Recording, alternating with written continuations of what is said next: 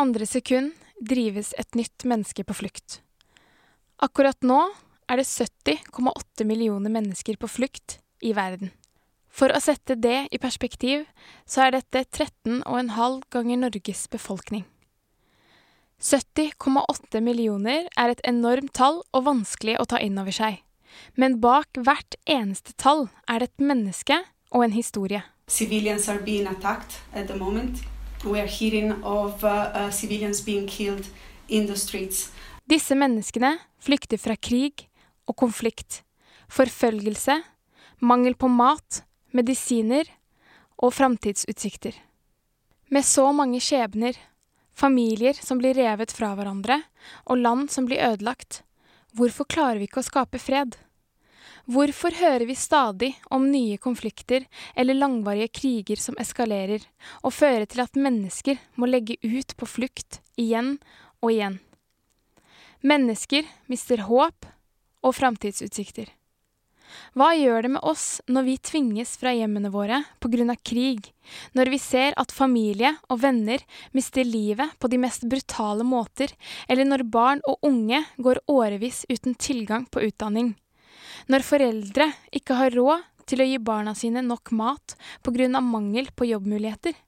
Hva gjør at mennesker blir så desperat at man velger å legge ut på flukt over Middelhavet i små gummibåter, til tross for at det i fjor i gjennomsnitt døde seks personer over Middelhavet hver eneste dag?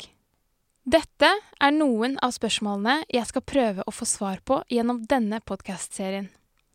Vi hører mye fra mange, nyheter, poster på Facebook, kommentar i avisene. Men hvor går skillet mellom mening og fakta? Hva er det som egentlig stemmer? For å finne ut av dette, så har jeg sammen med Flyktninghjelpen invitert flere personer som skal hjelpe meg å bedre forstå den globale fluktsituasjonen, de utfordringene mennesker på flukt møter på, og konsekvensene av å drives på flukt. Forståelse for hva som skjer i verden, og hva som skjer med et menneske som tvinges til å forlate alt de kjenner til, er viktig for å styrke samhold og likeverd. Det kommer en ny episode hver uke der jeg tar for meg forskjellige spørsmål. I siste episode skal jeg også prøve å finne ut av hva som kommer til å skje de neste ti årene. Vi er snart ferdig med et tiår der tallet på mennesker på flukt bare har økt. Kommer det til å fortsette, eller må vi gjøre mer for å skape endring? I denne episoden skal jeg starte med det som jeg synes er det viktigste, nemlig oss, oss unge. Ikke bare her i Norge, men unge som er på flukt i og rundt områder med krig og konflikt. I dag ser vi tydelig hvor mye som bor i oss unge, og hva vi kan få til. Det gir meg troen på at unge kan skape positive forandringer og finne løsninger der andre har feilet.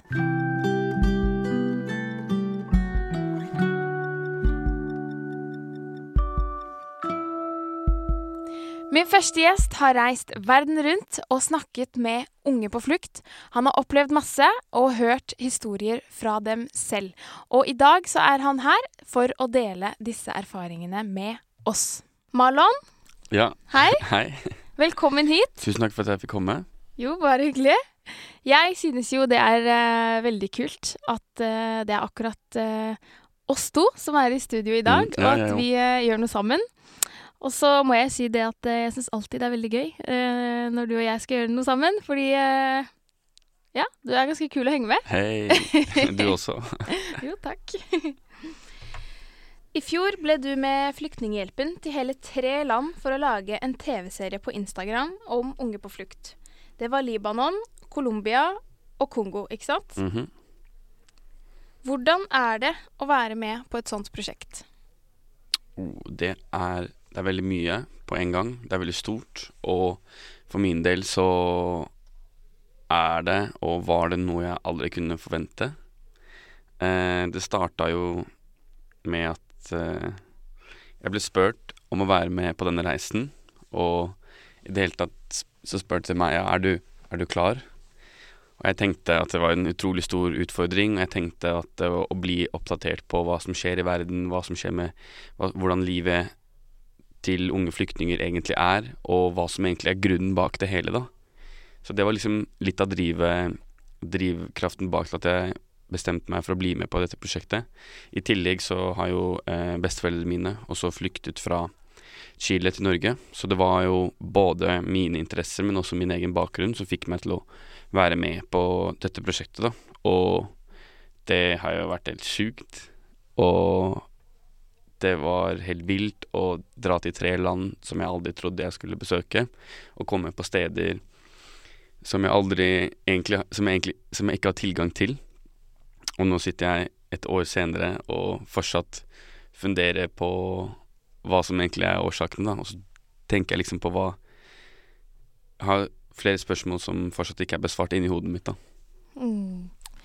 Det har jeg også, og eh, det var jo litt på en måte ideen og bakgrunnen for å lage denne podkasten. Eh, og det er rett og slett at eh, tall kan bli så store, og ting kan føles så håpløst. Eh, og da er det litt viktig med, med svar, og at vi faktisk eh, stiller de spørsmålene som ja, vi går rundt og lurer på. Mm. For eksempel, hvordan er det å være på flukt? Mm. Men hvilke forventninger og tanker eh, hadde du før du la ut på alle disse reisene? Eh, det Det Altså, for forventninger er helt usikker. Fordi jeg tenkte i hvert fall for det første at det kommer til å bli kanskje litt for mye å håndtere. Kanskje det, kanskje det skulle bli eh, vanskelig enn jeg trodde. At jeg ikke kommer til å klare det. En litt En forventning jeg hadde, var jo at jeg ikke kommer til å forstå situasjonen de levde i, og som de fortsatt lever i, dessverre. Fordi at jeg er utenforstående, fordi jeg vokste opp i et samfunn der konflikt er ikke-eksisterende, og at jeg egentlig ikke hadde noen mulighet til å gripe og forstå hva de faktisk må leve i Hva de faktisk må leve med hver dag, da. Og eh, det var litt, litt sant, men også litt ikke sant når jeg møtte, møtte de forskjellige ungdommene. Fordi at uh, man ender jo opp med å snakke om helt vanlige ting som du gjør med vennene dine, og snakke om eh, ting som ja, musikk og eh, samfunn og hva du liker å gjøre på fritiden. Eh, men så går det liksom over en over en liten grense der, der din kunnskap stopper, da. Der det du har lært av det du forstår og det du tenker om verden, ikke, ikke strekker til. Og eh, ja, så da var liksom forventningene mine litt sanne, men ikke helt sant. Hva syns du var det vanskeligste i møte med ungdommene på flukt? Eh, min store bekymring var jo at eh, Jeg tenkte at de ikke skulle At de, at de ikke tenkte at eh, jeg brydde meg, da. At de tenkte at eh, At de tenkte at At eh, kommer det bare en som har lyst til å grave opp noe informasjon og bare kaste det bakover idet jeg går ut døra. Eh, så jeg brukte jo god tid på å virkelig sette meg inn i hva de lever med, og virkelig se Prøve å se øye til øye og prøve å Prøve å um, få de til å forstå meg, da. Min situasjon, hvorfor jeg kommer og banker på døra deres, og hvorfor jeg, hvorfor jeg nesten invaderer dagliglivet deres. Eh, ja. Mm. Og det føler jeg jo Nå har jo jeg bare sett det på Mm. eh, Instagram TV, Mm. men jeg føler jo at det fikk du til. Eh, Ja, så bra. Og jeg For jeg kjenner jo på den urettferdigheten og det Mm. sinnet selv når jeg sitter og ser på det. Eh, og så føler jeg at du virkelig legger ord på det man, man sitter og føler på. Ehm, det virker i hvert fall veldig genuint. Ja, Det er bra. For det er jo store følelser vi snakker om her. Mm. Og det er ting jeg håper jeg aldri kommer til å oppleve, som Mm. de har allerede gått gjennom, og mest sannsynlig kommer til å gå gjennom. Og, og det er ting som er, er så store, større følelser som er større enn bygninger, og hvordan skal du klare å sette ord på det? Mm. Jeg, jeg vet ikke. Nei. Jeg, altså, hvem vet? Det er sant.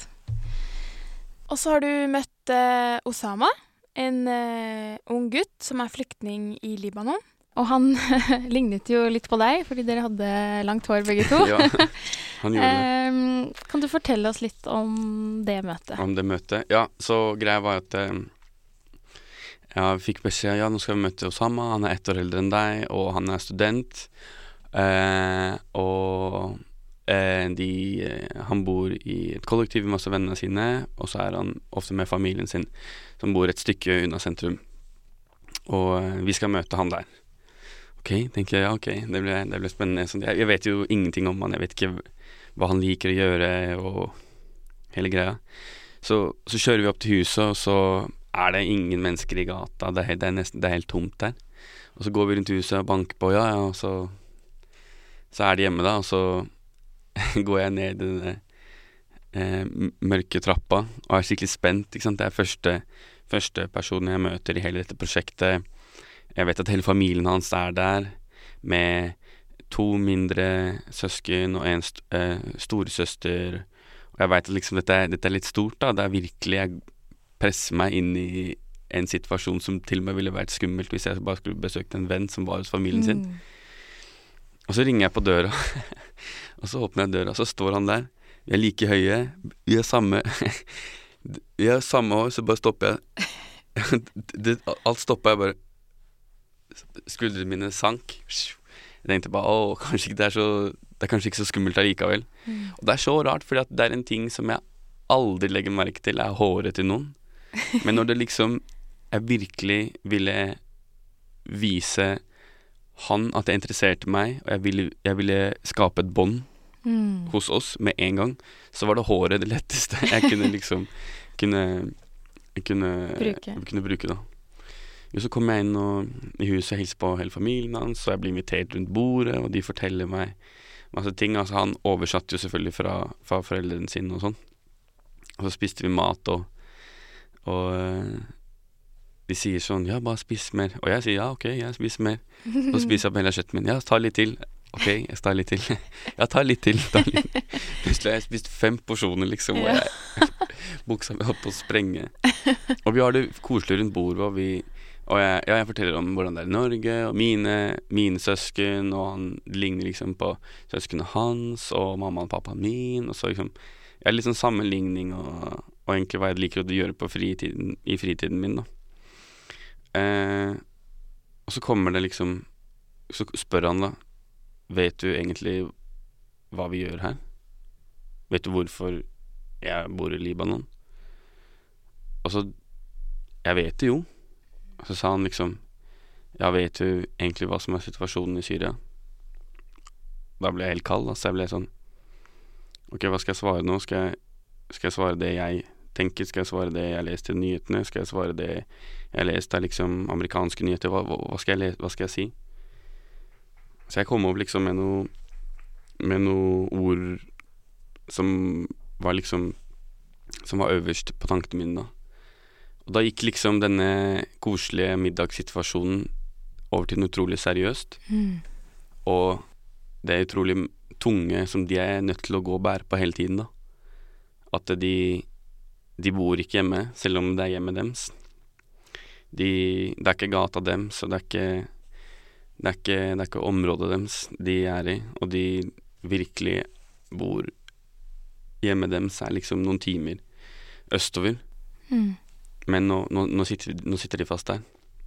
Og det var det Den overgangen fra å sitte, i, sitte rundt middagsbordet og kose seg, og mammaen smiler og ler, til å virkelig forstå hva som egentlig ligger bak fasaden, Mm. det traff meg litt som en, en bølge, da. Og så etterpå så gikk vi liksom Så gikk vi ut på verandaen.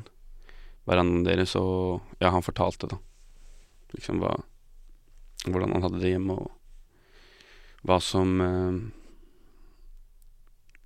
hva, hva, han, hva tankene hans rundt var det. Mm. Og situasjonen hans var jo at eh, Det å føle at man bor i et fengsel. Mm. Mm. Han, sa, han, han nevnte at det, det, virker, det, det er jo som en menneskelig dyrehage. Mm. For han kan ikke gå noe sted. Folk kommer bare og ser på han, og han har en viss Har en viss bevegelse liksom rundt omkring, men ikke noe mer enn det. Mm. Det var sterkt. Mm. Menneskelig dyrehage.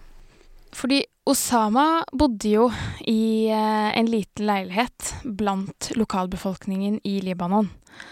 Og eh, jeg tror mange, eh, inkludert meg selv, har et bilde av at de fleste flyktninger bor i en flyktningleir.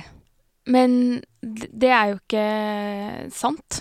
Det er faktisk kun fire av ti flyktninger som bor i leirer.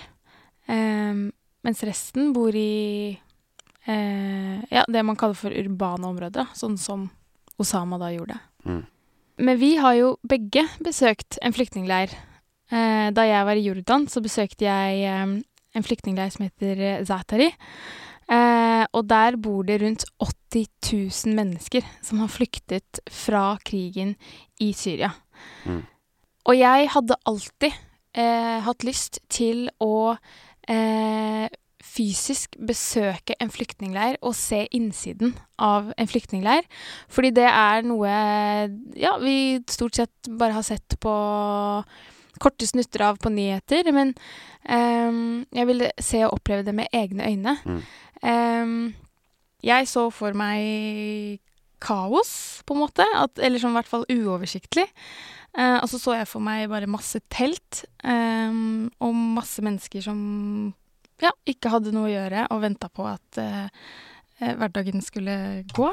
Mm. Men så kom jeg da til denne leiren. Det var eh, noe helt annet enn jeg hadde sett for meg. Um, altså, det var gigantisk. Mm. Det var eh, delt inn i tolv ulike distrikter. 80 000 mennesker. Eh, de bodde i konteinere, da, ikke telt. Eh, fordi de har jo bodd der i mange år. Eh, og så tenkte jeg litt på hvordan kjenner de igjen sitt eget distrikt, på en måte. Mm. Men da hadde de For det er jo bare grå sementmurer rundt. Og så hadde de da malt de ulike distriktene forskjellig, så man Ah. kunne faktisk Sånn at man gjorde det litt personlig og kjente det igjen. Og så husker jeg i midten av på en måte, leiren så har de en, en gate som de kaller Champs-Élysées. Okay. Um, og der, eh, der Altså, der hadde de Du kunne handle alt fra brudekjoler til å dra på på en måte salong og Og det er litt sånn jeg ikke hadde tenkt på, fordi at det er klart de trenger brudekjoler. Fordi de har jo bodd der i åtte år. Eh, det er klart at man, det er der man gifter seg, og det er der man får barn, og det er der man, eh, familien din vokser opp. Eh, og det fikk meg til å tenke på alle barna som var der, som de er født og oppvokst i en flyktningleir. Det er deres verden. Det eneste du vet, er innenfor den, de murene her. Ja, Det er det er helt sykt. Og alt du vet utenfor, er historier. Du hører bare historier om hvordan det er utenfor. Ehm, ja, så det var eh, Men også helt fascinerende å se på en måte hva eh, ja, Flyktninghjelpen annet, og de frivillige der har Mm. gjort. De er lærere, og de, de Barna går på skole, og det er ulike kurs som de får tatt. Og så det sterkeste, syns jeg, da var at ja, de går på skole. Um, de tar ulike jobbkurs. Men de har ingen garanti for å faktisk få Få brukt det til noe. Så Det, er Eh. det. det minner meg litt om egentlig når, når jeg besøkte første leiren når vi var i, i, i Libanon. Så da var de leirene jeg møtte, de leirene jeg besøkte, var mye mindre. Og de, de kunne ligge rett ute på et jorde. Og eh, Samar, som vi skal snakke om litt senere, hun gjorde akkurat det du fortalte om nå, at hun jobbet frivillig. Greia var at hun var jo også en flyktning selv. mm. Så hun var jo liksom som en Hun er jo som en kjerneperson i, i den leiren hun bor i. Så hun driver både med eh, å lære folk å lese og skrive, og Mm. om hva, hva var det hun gjorde med no- noe sånn rettighets... Hun lærte de andre opp om hva slags regler som fins, hvor grensene går, hva, hva du selv Mm. burde vite, sant. Eh, Ja, for det er jo ikke en selvfølge at man, nei, det er ikke det, ass. Mm. Det er ikke det, ass. Og det jeg begynner å tenke på når du fortalte meg at det er en hel handlegate der, det sier jo egentlig bare noe om hvordan, hvor gode, flinke mennesker er på å eh, Gjøre det beste ut gjøre det beste ut av det, og endre, endre, endre levemåten slik at du skal ha det bedre. Mm. Spørsmålet er jo bare hvor lenge klarer du det? Ja. Åtte år er jævlig lenge. Mm. Plutselig går det åtte år til, det går åtte år til, åtte år til. Plutselig har du liksom Du har et barn, du har et barnebarn som hele livet har vokst opp der. Og Mm. hva er greia med det, liksom? Hvorfor, hvorfor skal det være sånn? Mm. Men det var det jeg, opplevde i flyktningleiren på Jordan. eh, Og jeg skjønner jo at eh, eh, den er kanskje mer organisert enn mange leirer som fins rundt i verden. Og det skjønner jeg i hvert fall på den flyktningleiren du besøkte da du var i Kongo. Kan du kanskje fortelle litt om det du opplevde der? Eh, så greia at Kongo var jo det siste av de tre landene jeg dro til, og kanskje den mest ekstreme situasjonen også. Mm. Eh, jeg var to flyktningleirer i Kongo, og det er spesielt en situasjon jeg husker, eller bare en liten hendelse som jeg husker veldig godt. Så vi kommer dit, og det er liksom en hel slette, bare se for deg hele Ekeberg. Alle trærne er borte, og de har blitt byttet ut med ett og ett lite telt. Mm. Og det er bare Det er fylt av telt overalt. Eh, det er hele familier, samfunn og nabolag som har bare blitt bytta om. Og så bare satt inn i alle disse teltene. Så kommer vi hit, og noen telt er revet i stykker, noen er laget av plast, andre er består av eh, strå. Det er bare sånn Mm. små sånn strå Ja. eh, liksom Ikke større enn et, et person- ettmannstelt, liksom. Eh, og så går vi bortover, og så ser jeg på Så stopper jeg og ser på bakken, og der ligger det en, en barnesko som er brent opp. Halvveis brent opp. Og det fikk meg liksom Akkurat der og da, da stoppet tiden, og det, det, det virket som at det var en, et lite symbol på hvem som faktisk er de Hvem som konflikten går verst utover, da. Mm. Og det er de uskyldige, det er de unge, det er barna.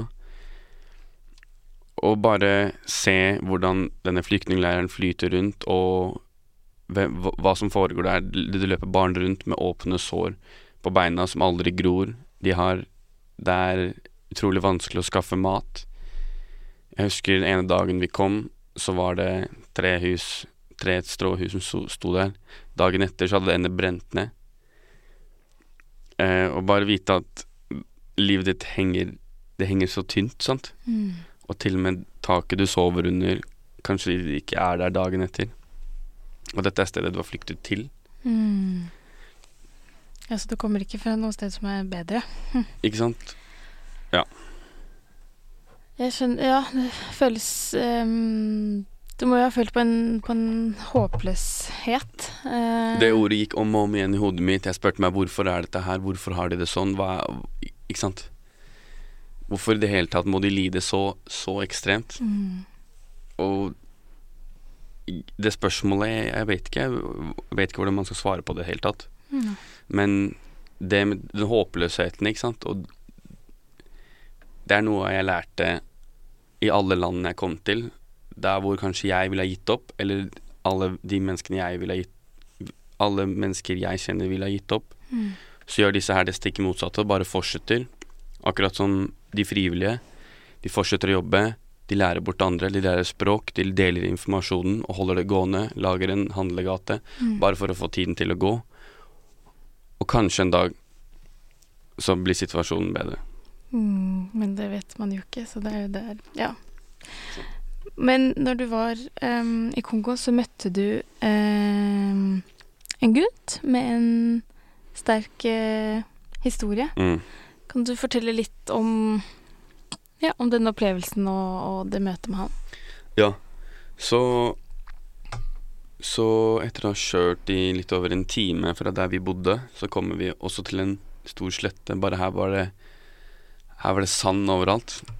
Og eh, det var litt bedre organisert. De hadde tilgang på vann der. Men der var også mange av husene bygd av strå, og det kan hende at de brenner opp. Eh, og han gutten jeg møtte, som heter Shindano, som var to år Kanskje han var litt tre år eldre enn meg, kanskje. Mm. Han eh, bodde, bodde i et mikrotelt. Der hvor det bare var plass til han liggende.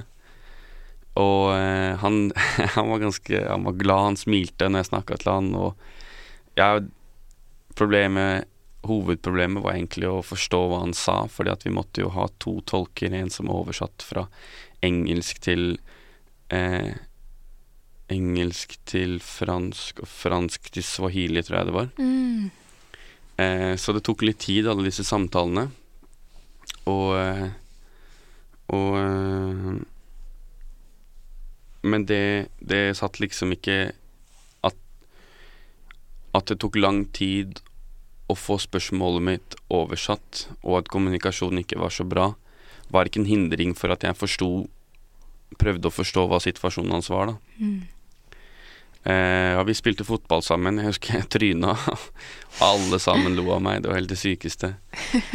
Eh, så det virker som det er de situasjonene der, da, når man spiller fotball, eller man er med familien sin og spiser middag, sånn som Osama i, i Libanon, Mm. og som Shindano i Kongo med alle kompisene. Han spiller fotball, alle sammen er der og heier, og alle har det, alle har det gøy. Det er akkurat de situasjonene alle bare glemmer litt hva som hva, hva som er grunnen til at de er samla, hva som er grunnen til at alle bor på det samme stedet.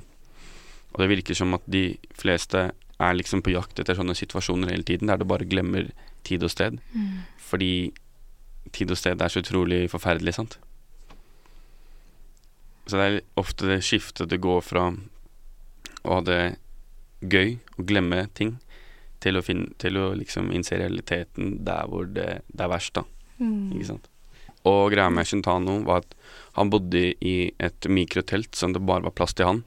Og jeg tror han bodde der nesten alene fordi eh, Ja, det er ganske sykt, egentlig, men han hadde Han var hjemme med faren sin, og så hadde han Hadde eh, liksom banket noen på døra, noen som skulle ta dem. Og faren sier ja, du må, du må løpe, du må, du må bare stikke nå. Og han sier nei, nei, jeg kan ikke, kan ikke, kan ikke dra fra deg. Men han sier jo, jo, bare løp, løp, løp, løp ut bakdøra. Så idet han skal løpe ut bakdøra, så bare smeller døra ned, og den, ja, den blir ødelagt. Og det løper masse, masse folk inn med macheter og bare angriper faren hans og hakker han opp oh, foran øynene på Shindano, og han skjønner Og han ser dette her, og han bare må spurte, og spurter inn i skogen. Han bare løper, løper, løper, og de løper etter han. Men heldigvis kommer han seg unna, og blir i, og får en litt annen skjebne nå. Og det er jo Det er noe så ekstremt brutalt, noe så forferdelig, Mm. og så skal du Og så tenker jeg at han fortsatt klarer å holde Fortsatt har tid og energi til å snakke med meg, og har muligheten til å smile, smile meg opp i ansiktet og fortelle om alt dette her. Og fortelle om hvor utrolig forferdelig han har hatt det. Ja, det, var, det, er helt, det er helt sykt, egentlig. Det er liksom noen av de situasjonene der følelsene og ordene er så store så at jeg, jeg vet ikke hva jeg skal si. Mm. Jeg kan, vet ikke hvordan man skal, hvor, hvor man skal plassere det. Det er bare å Ja. Det er så sterkt. mm. Mm. Hvert fall, hvert fall det derre smilet mens man forteller noe så sterkt. Fordi hvis ikke du gjør det, så begynner man mest sannsynlig å gråte. Jeg tenker i hvert fall det smilet, da kommer du litt inn, litt inn på det med håp, da. Fordi at jeg møtte på om igjen, om igjen, om igjen, er at de har så utrolig sterkt håp og pågangsmot. At de bare fortsetter og fortsetter og fortsetter. Og det er egentlig helt utrolig å se. Mm. Kan du si noe om um, om forskjellene på situasjonene til menneskene du møtte i de forskjellige landene? Fordi, altså Ja, som vi hører, da, så bak hvert tall så er det en, en historie. Mm. Syns du um, Var det store forskjeller på situasjonen til menneskene du møtte i de forskjellige landene? Eh, bakgrunnen er ganske forskjellig. Som for eksempel i Libanon, der er det ikke, det er ikke krig der. De fleste de jeg møtte, var jo flyktninger fra Syria. Og det syke er jo at eh, Libanon er jo like stort som Rogaland, og det bor en million flyktninger der. Det er helt sykt. Så du kan, du kan se for deg hvor, hvor, hvordan livet i Libanon for libanesere blir ganske endra. Mm. I, i, I Colombia, der har det jo vært borgerkrig lenge, og de jeg møtte, bodde jo De bodde jo ikke inne i byen, ikke sant, som Osama. De bodde jo Vi måtte kjøre fire timer med båt inn i regnskogen på en elv for å møte de som muligens hadde det verst. Mm. Og i Kongo, der er det jo Der er det mange grupperinger. Der, ikke sant? Du har militære, paramilitære, politiet eh, Forskjellige eh, stammekulturer. Og bakgrunnen, som jeg sa, kan være ganske forskjellig. Mm. Men resultatet er det samme. Og det er, det er det som er det syke. Fordi at uansett i hvilket av disse landene du drar i, så er det, så er det de uskyldige som det går utover. Og de må dra fra alt de har, alt de vet om, alt de eier, alle de, alle de kjenner, for å komme til et sånn sted der du blir degradert til å bo i en liten et lite stråtelt Mm. som kan bare forsvinne sånn, ikke sant. Mm. Men jeg tenker at spesielt i Libanon, der hadde jeg det en, Der var det, syns jeg det var enklest for meg å knytte et bånd, fordi de bodde De bodde i byen, og ja, de hadde et liv som var ganske De hadde et liv som ikke var så ulikt meg. Mm. De studerte. Eh, de hjelper de rundt seg, som for eksempel Samar, som jeg fikk møte på i, i den første flyktningleiren jeg dro til, og jeg fikk hilse på faren hennes og søsknene hennes, og de inviterte oss inn i det teltet de bodde i, og vi fikk kaffe og kjeks, og det var, det var, det var ganske hyggelig, faktisk. Mm. Men uh, Samar hadde en ganske forferdelig fortelling og en ganske mørk grunn til hvorfor hun var på flyktningleiren, da, og du kan jo oversette siden du skjønner hva hun sier. Mm. Did you have like someone special back home? Like a, a boyfriend or something? يس Yeah? ايه انا الي حدا بسوريا كان اسمه سعيد مم، هو هلا مات Do you want to tell me what happened to Said? بسبب ظروف الحرب مات بالتفجير Ja, ehm, her eh, forteller hun jo at eh, hun eh, hadde en eh, gutt hun var glad i eh, i Syria, eh, som het eh, Saeed. Ehm, og han er eh, dessverre død nå. Ehm, og ehm, ja, det han ble, han ble drept, han ble bombet. Ja, jeg har jo eh, nylig gifta meg. Ehm, og jeg kan på en måte ikke engang tenke meg hvordan eh, Ja, jeg skulle levd uten Morad nå. Mm. Miste en av dine nærmeste. Mm. Så det Det er en utrolig utfordring å gå rundt og bære på det mm. resten av livet ditt. Og i hvert fall når eh, Og hvert fall når det, du ikke kunne gjøre noe med det, sant. Mm. Ja, kjenner jeg ble litt emosjonell. Mm. Men um, Men du har jo eh, ja, møtt eh, Samar, men du har jo også møtt mange mennesker gjennom eh, Marlons journey, Mm. altså eh, reisen din. Ehm, og jeg var i hvert fall veldig spent på å høre dine inntrykk og historier eh, når du kom tilbake. Mhm. Eh, og det må det vel ha vært flere venner og bekjente som har gjort. Ja. Da lurer jeg litt på hva slags eh, inntrykk får du av at folk tenker om det her? Um, Vi vet jo i hvert fall at det er eh, noen få ja, stemmer som, som skriker høyt, gjerne i kommentarfeltet om eh, Som ytrer sine meninger om, Mm. om flyktninger. Men hva tror du folk i Norge um, Hva slags tanker har de om mennesker på flukt? eh, altså, jeg tenker at det er utrolig mange som ser på flyktninger som lykkejegere, og her kommer de og bor gratis og får Det er mange som mener at den hjelpen de får, egentlig ikke er nødvendig. Mm.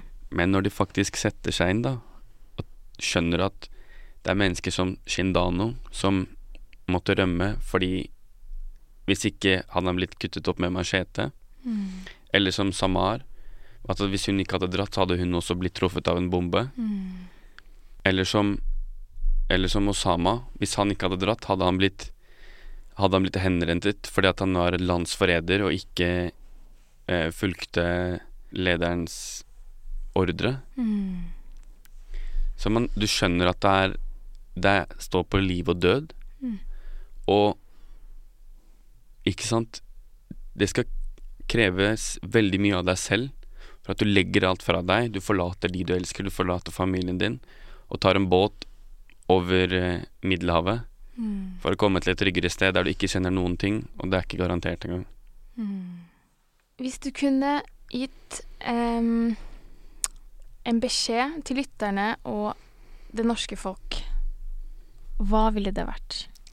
Det ville vært sett deg inn i det, som jeg sier. Når du, skjønner, når du skjønner hva som er bakgrunnen, og hva som er driv, drivet til at noen er nødt til å flykte som de gjør, Mm.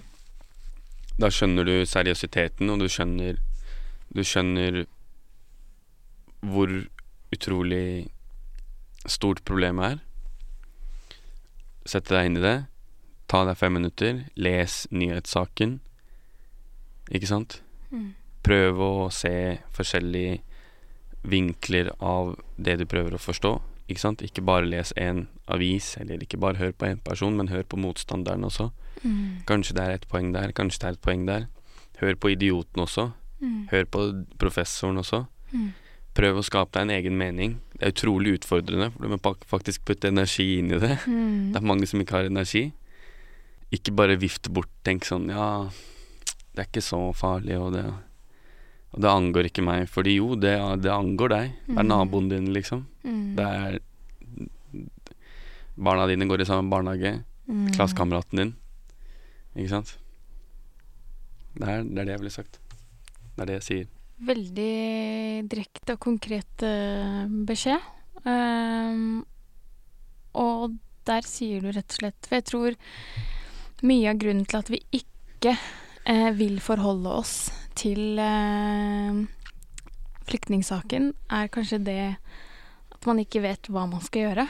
Eh, så det blir så Ja. stort. Men du sier jo nettopp det at vet du hva, bare det å eh, ja, opplyse seg selv, bare det å vise engasjement for saken, eh, og tilegne seg kunnskap, at det du gjør noe da, da også.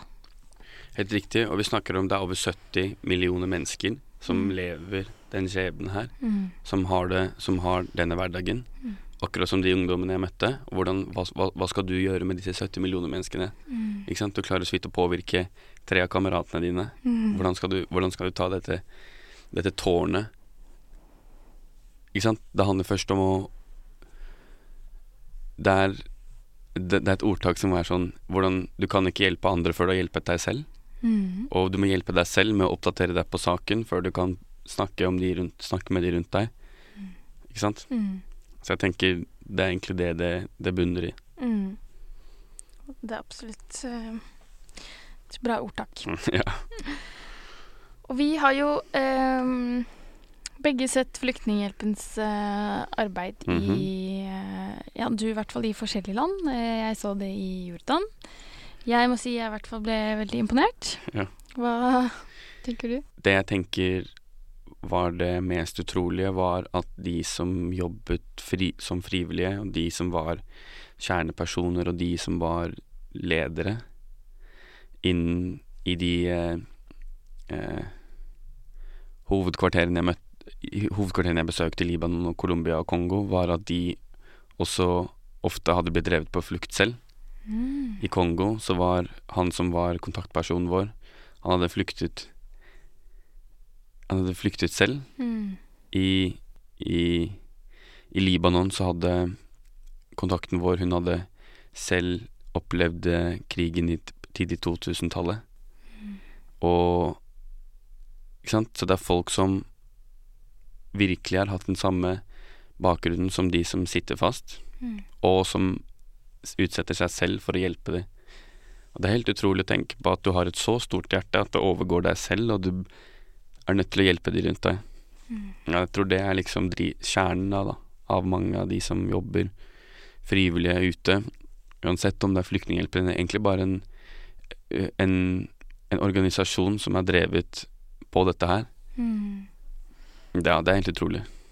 Det er jeg helt enig i, og ikke minst den risikoen man tar Altså, Flyktninghjelpen er jo ikke sant, der, eh, der det skjer. Mhm. Eh, så ikke minst den, den risikoen man tar ved å reise til eh, land mens de er i konflikt. Ja. Eh, for å hjelpe, og ikke minst for å gi oss beskjed om hva som faktisk skjer der.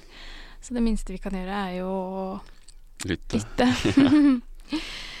Men Marlon, Mm. Etter alt du har opplevd For jeg tror um, selvfølgelig for deg, men også for de som hører på, og for meg, så er det jo mye sterkt og, og mye tøft. Hvordan klarer du å opprettholde troen? Eller har du, har du i det hele tatt eh, troen på en bedre fremtid for disse ungdommene og ikke minst eh, kommende generasjoner? Ja. Jeg kan si som faren min, disse ungdommene, altså, de, de, kommer å, de, kommer å, de kommer til å løfte dette landet fram. Hmm. Når jeg kom hjem igjen, da var det egentlig ganske vanskelig å tenke at de kommer til å få det bedre. Fordi at eh, situasjonen for Osama ble verre. Fordi han eh, Fordi de fikk ikke innvilget søknaden deres hos FN. Mm. Og eh, ja, og, og får lese i nyhetene at uh, borgerkrig borgerkrigen i Kongo forverrer seg. At uh, det er enda et Det var nylig et ebolautbrudd i den landsbyen jeg besøkte når jeg var i Kongo. Å lese dette her er jo liksom Det understreker bare det faktum at det er ekstreme utfordringer her. Mm. Men jeg tenker tilbake, og jeg husker hvor sterkt pågangsmot de ungdommene jeg møtte, hadde, og hvor stort håp de hadde, da tenker jeg at det er en mulighet da, for at det kommer til å gå bedre. Og når det er så mange som de, som faktisk lever i dette her, og det er de som gjør det beste for seg selv og de rundt seg, da tenker jeg jo at situasjonen kommer til å bli bedre. Mm. Uten uh, håp, hva har vi da? Ja, det, det er liksom så fantastisk å se at de har utrolig sterkt pågangsmot og håp. Men det er også utrolig viktig å se det fysiske og det praktiske ved at de studerer, og at de får en mulighet til å bruke det de studerer i en jobb, da. Som for eksempel Osama. At han kanskje har en mulighet til å bruke Bruke studiet sitt til å forsørge familien sin, og til å kanskje få et sted Et bedre sted å bo, og hvis konflikten roer seg, ha mulighet til å flytte tilbake. Mm. Det har jo nå faktisk gått uh, et år siden. Mm. Det er helt du sykt. Var, uh, ja, du var i disse landene. Em, hvilke Eller har du gjort deg opp noen tanker gjennom det siste året? Jeg tror at det som sitter igjen, er kontrastene og forskjellen i, i problemene og utfordringene, spesielt når her hjemme, når jeg leser i avisen, så ser jeg liksom det er hull i veien. Største, den største debatten under valget var liksom bompenger. Og vi, vi river oss i håret av at det ikke kom på topp tre under Tour de Ski. Mens så husker jeg tilbake og tenker at de problemene de har, er Kommer jeg til å våkne opp her i morgen, ha huset mitt brent ned? Er Har jeg fortsatt tilgang til universitetet? Hvis jeg ikke har det, da er det ikke en framtid for meg. Hvis ikke det er en framtid for meg, da er det ikke en framtid for lille, lillebroren min, ikke faren min, ikke moren min, ikke sant? Og jeg tenker at det jeg tenker på nå, er det ansvaret de har, ikke bare for seg selv, og, men for hele familien sin og de de bor med. Og jeg tror det også Det kommer litt inn på hvor mye det krever av deg som person å bare legge alt bak deg og prøve å oppsøke en, en framtid en og mulighet for deg selv i et fremmed land, for å så ta med alt tilbake og gi det til familien din. Og, og tenke på at det er utrolig mange som gjør det. Utrolig mange som gjør det, og ikke har en familie å gi pengene sine til. Så ett år siden, det som sitter igjen, er den utfordringen det er å være en ung flyktning fordi du har så utrolig mye ansvar. Mm. Unge voksne, egentlig. Helt riktig. Mm. Men hva tenker du at vi unge i Norge kan gjøre? Ikke sant? Eh, altså, ung eller ikke, som jeg sa i stad, sett deg inn i det. Jeg tenker i hvert fall at eh, du går på videregående, du går på ungdomsskole. Eh, på den ungdomsskolen jeg gikk på, så var det 70% med annen etnisitet. Som gjorde at på en måte så var vi litt mer oppdatert på hva som skjer rundt i verden, fordi at foreldrene våre har blitt direkte påvirka av konflikter rundt i verden. Mm. Eh, jeg tenker at spør klassekameratene dine.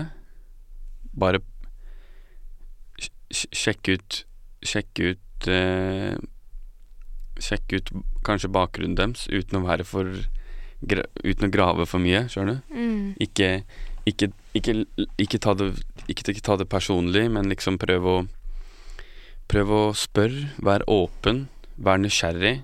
Mm. Ikke sant? Hvis uansett Du kan ikke holde en debatt uten å ha, uten å ha lest litt om det før. Mm. Det er det jeg tenker de unge kan gjøre. Pluss du har Du har verden i lomma di, liksom. Du kan bare søke på Instagram og søke på bilder, lokasjoner, hashtagger, videoer, liksom. Livestream fra et sted i i, i Syria, for eksempel. Der folk har tilgang på smarttelefoner og legger ut ting overalt. Du må bare vite hvem du skal følge, Mm. og hvem du ikke skal følge for å få feil informasjon. Så jeg tenker, bruk de verktøyene du har som ung, Mm. og spør vennene dine, spør de rundt deg, spør naboen din, og bruk telefonen din på en riktig måte. Mm. Marlon, jeg vil si eh, tusen takk. Tusen takk for eh, at du har eh, åpnet eh, Hodet. Åpnet opp eh, minner som du, eh, som du har. Takk. Ehm, det betyr veldig mye, det har faktisk vært en ære å Hei. få høre så detaljert om, om de tingene du opplevde, og hva det gjorde med deg. Um, Tusen takk for at jeg vil komme, og tusen takk for at jeg fikk eh, løfta på Løfta på lokket litt, som eh, alle disse tankene som går og bobler rundt hele tiden. Mm. Ja, du har jo faktisk eh, vært eh, ja, aller første gjest i Oh. denne podkasten. Ja. eh, som da heter Perspektiv. Um, og i neste episode så får vi besøk av eh, Leo Ajkic. Hey. Han skal fortelle oss mer om hvordan det er selv å være på flukt. Og vi høres om en uke.